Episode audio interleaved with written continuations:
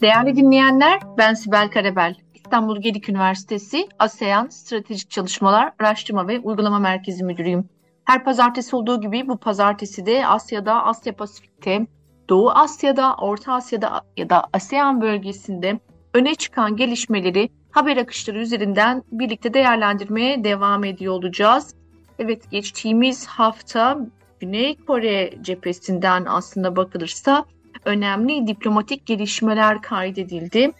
Güney Kore Devlet Başkanı Yoon Suk Yeol, Amerika Birleşik Devletleri Başkanı Joe Biden'la görüştü. Sonrasında çok e, kısa bir e, ara sonrasında Güney Kore Devlet Başkanı'yla Japonya Başbakanı Fumio Kishida görüştüler. E, neler görüşüldü, neler konuşuldu aslında bakılırsa bir Washington deklarasyonu ortaya çıktı Güney Kore ve Amerika Birleşik Devletleri arasında. Bu hafta Asya konuş Asya gündeminde bizim e, odak noktamız Güney Kore ve Güney Kore'nin özellikle Amerika Birleşik Devletleri'nin Hint Pasifik stratejisindeki müttefikleriyle olan ilişkileri. Evet, e, ilk görüşmeyle başlayalım. E, şimdi bir Washington Deklarasyonu'ndan bahsettik. E, Amerika Birleşik Devletleri ve Güney Kore arasında 70 yıllık bir ittifaklık ilişkisi var. E, ve bu görüşme hakikaten iki liderin Washington Deklarasyonu'yla somutlaşan görüşmesinde önemli konular, önemli başlıklar görüşüldü.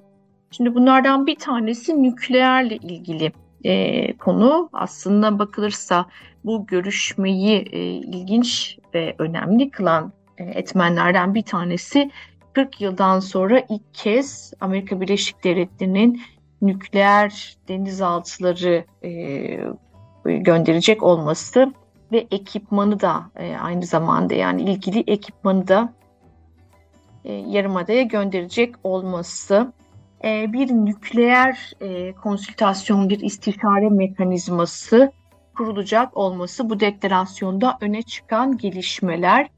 E, şimdi aslında e, şuna bakmak gerekiyor. Biraz daha derinde in, inildiğinde e, neden buna ihtiyaç duyuldu ve karşılığında ne bekleniyor? İçeride Yon e, iktidarında yani muhafazakarların temsilcisi aslında Yon ve e, ciddi bir yani mecliste parlamentoda ciddi bir muha liberal muhalefete sahip. E, içeriden ne gibi tepkiler var? Çin'in nasıl e, bir tepki verdiğine kısaca bakmak gerekiyor ve neden? Neden şimdi neden? Şimdi sorulara tek tek baktığımız vakit şunu görüyoruz aslında.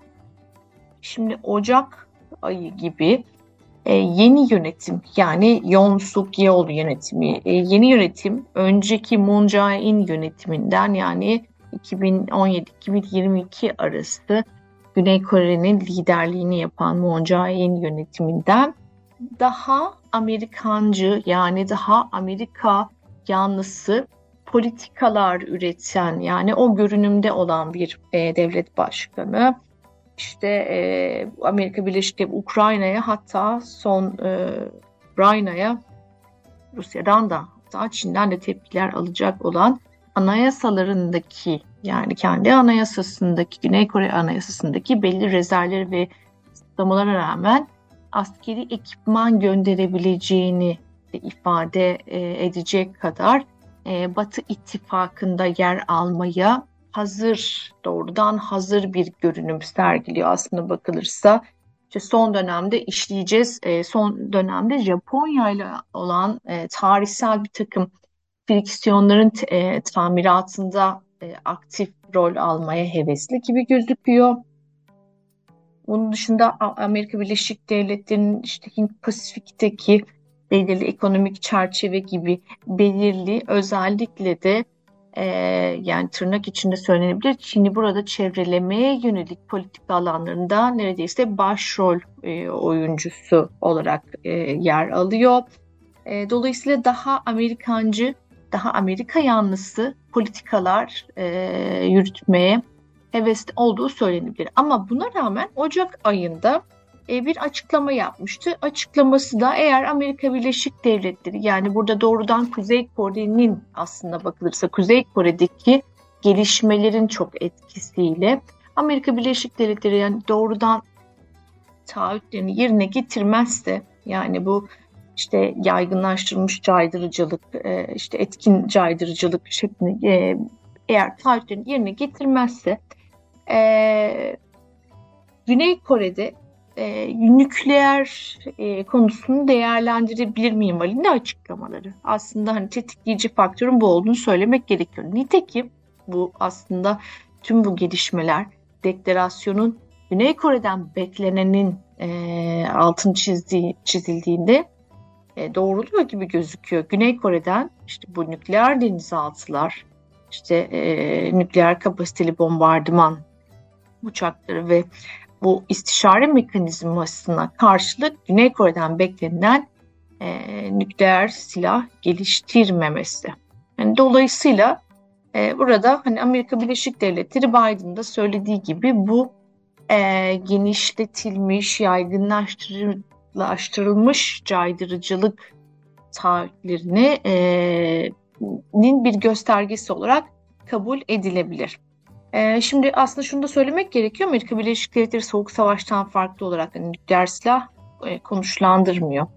Yani bu burada önemli bir ayrım var. Yani buraya nükleer silah konuşlandırmıyor. Yerine işte askeri varlıklarını gönderdiğini açıklıyor. Şimdi içeriden e, yoğunluğu çok sıkıştıran, özellikle muhalefetin sıkıştırması ve kendi e, çev- siyasi çevresinden de gelen e, eleştiriler şu yönde.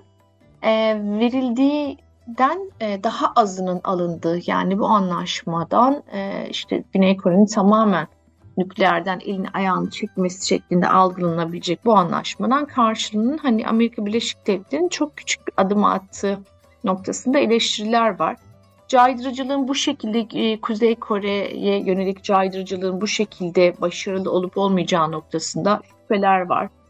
E, şimdi yani Kuzey Kore'deki gelişmelere baktığımız vakit şimdi 2017'den bu yana hani 7 nükleer e, denemesi var. Yedincisine hazırlanıyor yani 6 tane sayılan o ki 6 tane nükleer deneme var.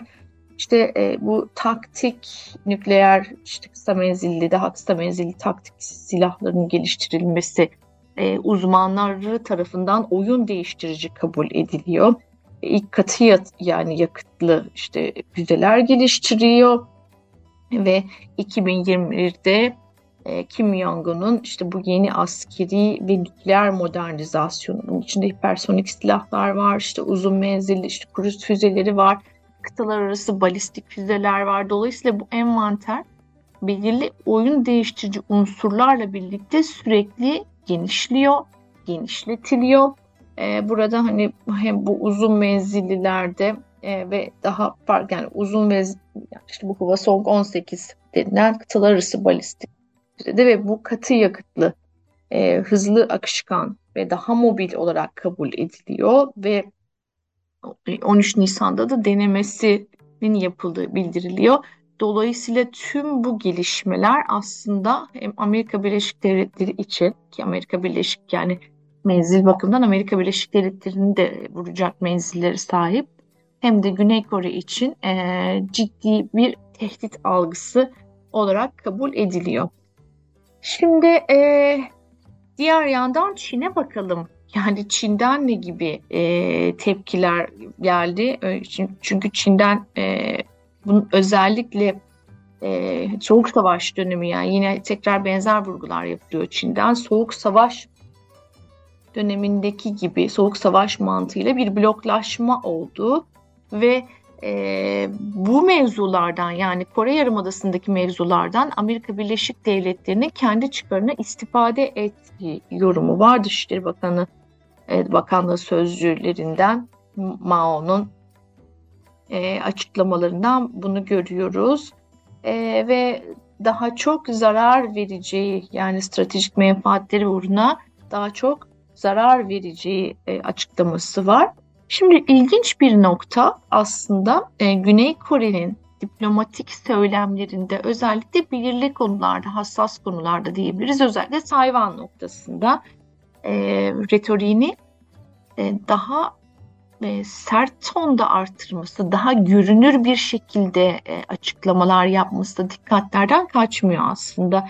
Yoğun'un örneğin e, Tayvan meselesiyle ilgili işte Kuzey Kore ile işte, e, bir analoji yapması Tayvan'ı. Kuzey Kore nasıl sadece bu yarımadaya ait bir problematik bir sorun değilse aynen e, Tayvan'da e, uluslararasılaştırılmış bir sorun minvalinde bir açıklaması var. Bu açıklamayla birlikte e, Yoğun'un Ukrayna'ya silah gönderilmesi mevzu, tabii Peskov'dan hemen yanıt geldi ama Çin'den de e, yani bu önemli bir editorialinden e, önemli bir medya outlet yani devletin neredeyse sözcüsü gibi e, olan bir medya outlet'in editoryal yazısında e, Rusya ve Çin'i kızdırırsa Güney Kore'nin e, ekonomik olarak ekonomi çok zorda kalacağı e, bir anlamda tehdit var bir ifade de zorda kalabileceği açıklaması var.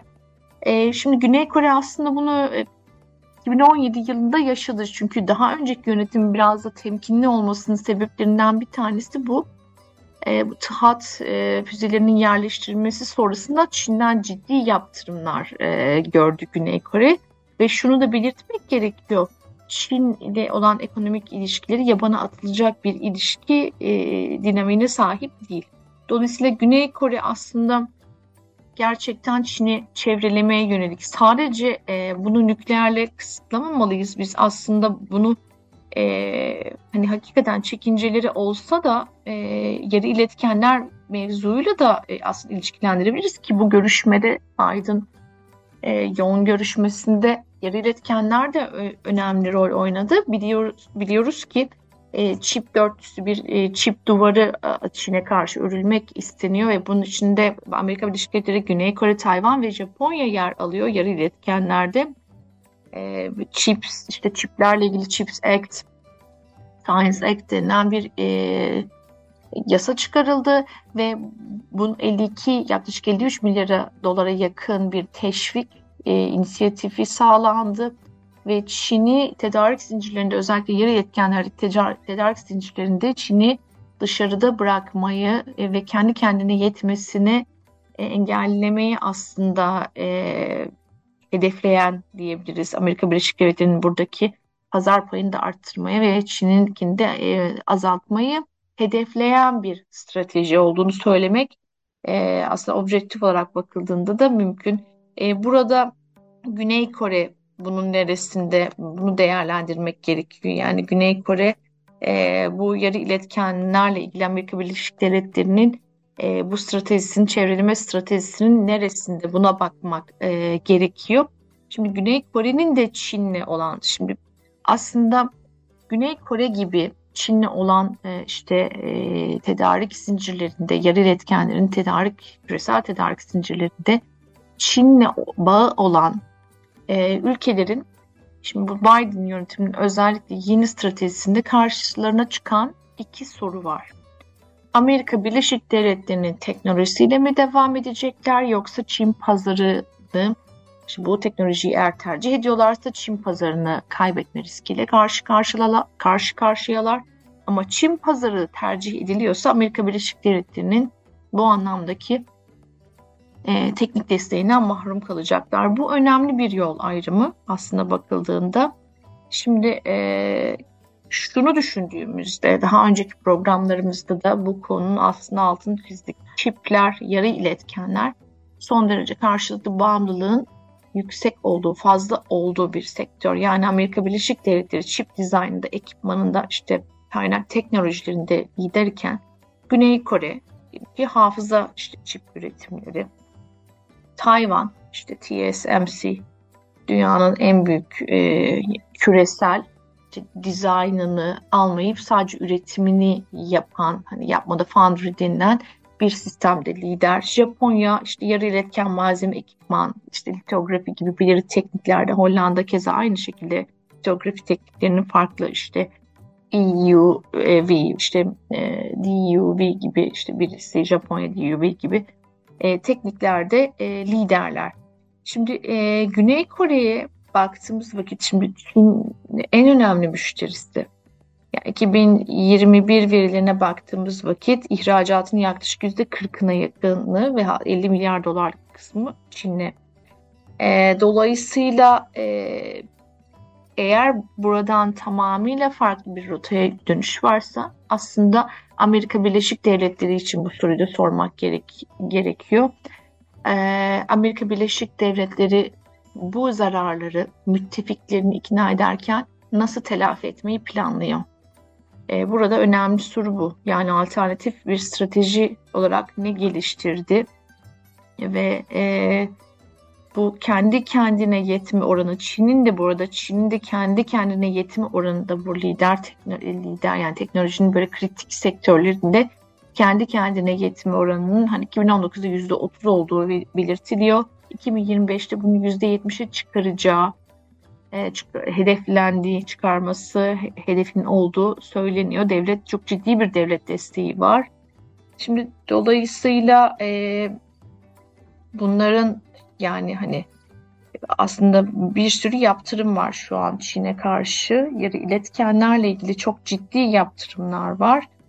E, ve Çin'in de aslında belirttiği e, bu yarı iletkenler, çipler ve ekipman ve malzemeleri ile ilgili şu an e, Amerika Birleşik Devletleri blokajından da özellikle talepten de kaynaklanan e, bir tedarik fazlası var. Çok ciddi bir tedarik fazlası var. E, dolayısıyla Çin de bu, bu konudaki avantajından bahsediyor. Belirli e, teknolojik out, medya outletlerinde bunun altı çiziliyor. Yani görünen o ki teknoloji, teknolojik rekabet, e, Asya Pasifik'teki dengeleri, ittifakları e, doğrudan etkileyecek kadar aslında yoğun bir rekabet alanı ki biz şimdi e, hemen bu Güney Kore aslında bakılırsa e, Amerika Birleşik Devletleri görüşmesinden sonra biz e, Japonya ile birlikte Güney Kore'nin ilişkilerinin e, derinleştirmesi yönünde e, bir takım diplomatik görüşmeleri şahitlik ediyoruz. Yani nitekim e, Fumio Kishida ile Yoon Suk Yeol görüştüler. E, aslında bir iadeyi ziyaret idi bu. Mart ayında Yoon'un ziyaretine e, mütakip bir ziyaret olduğunu söylemek mümkün. E, burada dikkat çeken e, Güney eğer biz bir hafta içinde hani Güney Kore Amerika Birleşik Devletleri lideri ve Güney Kore tekrar Japonya işte başbakanı görüşmesini e, aynı kart vizitin içinde aslında bakılırsa değerlendirirsek bunun hani ekonomik boyutunda olduğunu söylemek mümkün. Bir iş insanı delegasyonuyla gitti aslında Fumio Kishida. Şimdi burada tarihsel işte bu 1910-1945 arası kolonize edil yani Kore Yarımadası'nın kolonize edilmesi döneminde bu zorunlu e, işçi mevzu noktasında e, şimdi özenle seçilmiş aslında kelimelerin olduğunu görüyoruz. İşte e, Kishida'nın e, bu benim hani kalbimi incitiyor bu konu, bu insanların durumu açıklaması çok önemli. Daha önce Japon liderlerin bu konuda özürleri var. Doğrudan özür değil ama duygusal bir nosyon da ekleyerek aslında bu konunun çünkü bu konu hatırlayalım daha önceki programlarımızda da işlemiştik. E, yani 2018'de Güney Kore'de bir mahkeme kararı var ve aslında bu e, zorunlu çalıştırılan insanların yaşadığı durumun e, zararın tazminatı için Japon iki Japon şirketin hani finansal olarak bu telafi etmesi noktasında bir karar ama Japonya bunu e, ivedilikte yani kesinlikle reddetti. 1965'teki normalleşme zamanında bu konunun halledildiğini öne sürdü ve hatırlayalım o dönemde 2018-2019'da ticaret ihtilafları e, yani birbirlerine karşı işte e, ihracat kotaları, ticaret işte kara listeye almalar gibi bir takım e, ticaret korumacılık e, enstrümanlarını kullandılar. Şimdi burada Amerika burada e, Amerika Birleşik Devletleri'nin en son istediği şey Çin'i çevreleme stratejisi bağlamında buradaki önemli iki müttefikinin arasının kötü olması. E, bu konuda gerçekten çok ciddi çaba harcıyor Amerika Birleşik Devletleri. Aslında her iki ülkede bu konuda çaba harcıyor görünüyor fakat arkadaki itici günün gücün Amerika Birleşik Devletleri'nin olduğunu söylemek zor değil. E, şimdi iş insan delegasyonu var, yarı iletkenler mezunda aynı taraftalar, aynı oluşumların içindeler. Tarihsel, e, çok ciddi tarihsel e, friksiyon noktaları var. Ama yoğun e, şimdi içeride de her iki liderde, her iki ülkenin lideri de işte içerideki e, muhalefete karşı ve kamuya karşı, kamuoyunun nabzında tutarak kamuya karşı bu politikalarındaki değişikliklere meşruiyet kazandırmak durumundalar. E, dolayısıyla yoğunun Mart ayındaki açıklaması işte Güney Kore'deki belirli fonlamadan bu tazminatın yapılacağı açıklaması e, ve belirli ekonomik işte bu karşıda e, korumacılık önlemlerinin teker teker geri alınmasıyla ilgili açıklamalar bir, yan, bir yandan da tabii ki e, muhalefetin dikkatini çekti az evvel bahsettiğimiz konuda olduğu gibi. Ama bir yandan bu dengeler diğer yandan gerçekten itici güç olarak şemsiye şeklinde Amerika Birleşik Devletleri'nin bu konudaki e, ısrarının katalizör olduğunu söylemek e, mümkün gerçekten. E, Çin ve Japonya arasında da yani ilişkilerin e, işte son dönemde aslında bakılırsa yani çünkü bütün bunların arka planında yani Çin'e karşı Çin'in artan ekonomik, askeri, teknolojik de gücünü çok önemli bir noktada eklemek gerekiyor. E, bu artan gücüne karşı aslında bakılırsa e, bir çevreleme, bunu durdurmaya, yavaşlatmaya çalışma çabasında e, Çin-Japonya ilişkileri de önem arz ediyor. Japonya'nın hatırlayalım Aralık'taki geçtiğimiz sene Aralık'taki savunma bütçesi 2023'ten itibaren 315 milyar dolarlık bir bütçe planlaması var. Ve burada Kuzey Kore ile birlikte Rusya ve Çin'i de tehdit olarak işledi. İşte biliyoruz Senkaku Diao'yu e, adaları yani biri Senkaku diyor, biri Diaoyu diyor. E, bu aralarda kara sularında e, bir takım anlaşmazlıklar var ki bu adaları Japonya yönetiyor ama Çin hak iddia ediyor. Çözülmemiş noktalar çok fazla e, ve e, bu noktada Çin'in tabii Japonya'da dediğimiz gibi yarı iletkenlerdeki Amerika Birleşik Devletleri'nin stratejisinde önemli aktörlerden ki geçtiğimiz e, ay e, bir açıklama yapıldı. Japonya'da ikna oldu bu e, çift duvarının aslında içinde olmasında olmada Japonya'da ikna oldu. E, dolayısıyla bu noktada e, Çin'in de aslında bakılırsa e, hem Japonya hem Güney Kore e, noktasında Japonya'nın e, da açıklamaları önemli. Yani Tayvan'la ilgili açıklamaları dikkatlerden e, kaçmadı. Yani Savunma Beyaz kitabındaki açıklamaları da Tayvan'la ilgili dikkatlerden kaçmadı. Dolayısıyla bu noktada Çin'in e, Amerika Birleşik Devletleri'nin Hint Pasifik'teki müttefiklerinden gelen mesajlar Çin'e karşı artık hassas olarak görülen mevzuların bile e, dillendirilmekten e, çekinilmediği yönünde. Bu sadece retorik düzeyinde değil, ama e, eylem düzeyinde de aktif olarak bu çevrelemenin bir parçası olarak aktif olarak katıldıklarını gösteriyor. E, şimdi her yönden ilerleyen bir rekabet var. Diplomatik, teknolojik, askeri, ekonomik, ticari, e, çok boyutlu, çok aktör içine alan bir rekabet alanı oluşmuş durumda. Dolayısıyla önümüzdeki günlerde gerçekten hamlelerin e, daha net bir şekilde belki de daha sert bir şekilde özellikle retorik bağlamında e, alınacağı beklenebilir. E, ilginç gelişmeler bizi bekliyor olabilir ama görünen o ki Çin'in en azından şimdilik ihtiyatlı davranacağı ani hamlelerden e, kaçınmaya yönelik ihtiyatlı davranacağını söylemek mümkün. Aslında biz bunu bu Çin'in meşhur özellikle geçtiğimiz sene e, meşhur yani Xi'nin ikinci döneminin sonlarında e, bu meşhur e, savaşçı işte kurt savaşçı diplomatlarının e, tonlarını daha düşürdüğünü, daha yumuşaklaştırdığını hatta Li Jianzhao gibi hani çok aktif, çok da lafını esirgemeyen diplomatların daha farklı kanallara aslında yönlendirildiğini e, biliyoruz. Dolayısıyla buradan da Çin'in özellikle biraz daha kendini söylem olarak geriye çektiği ve e, bu çevrelemenin içerideki etkilerini tamir etmeye çalıştığı noktasında bir öngörüde bulunmak, e, öngörüde bulunabiliriz aslında mümkün.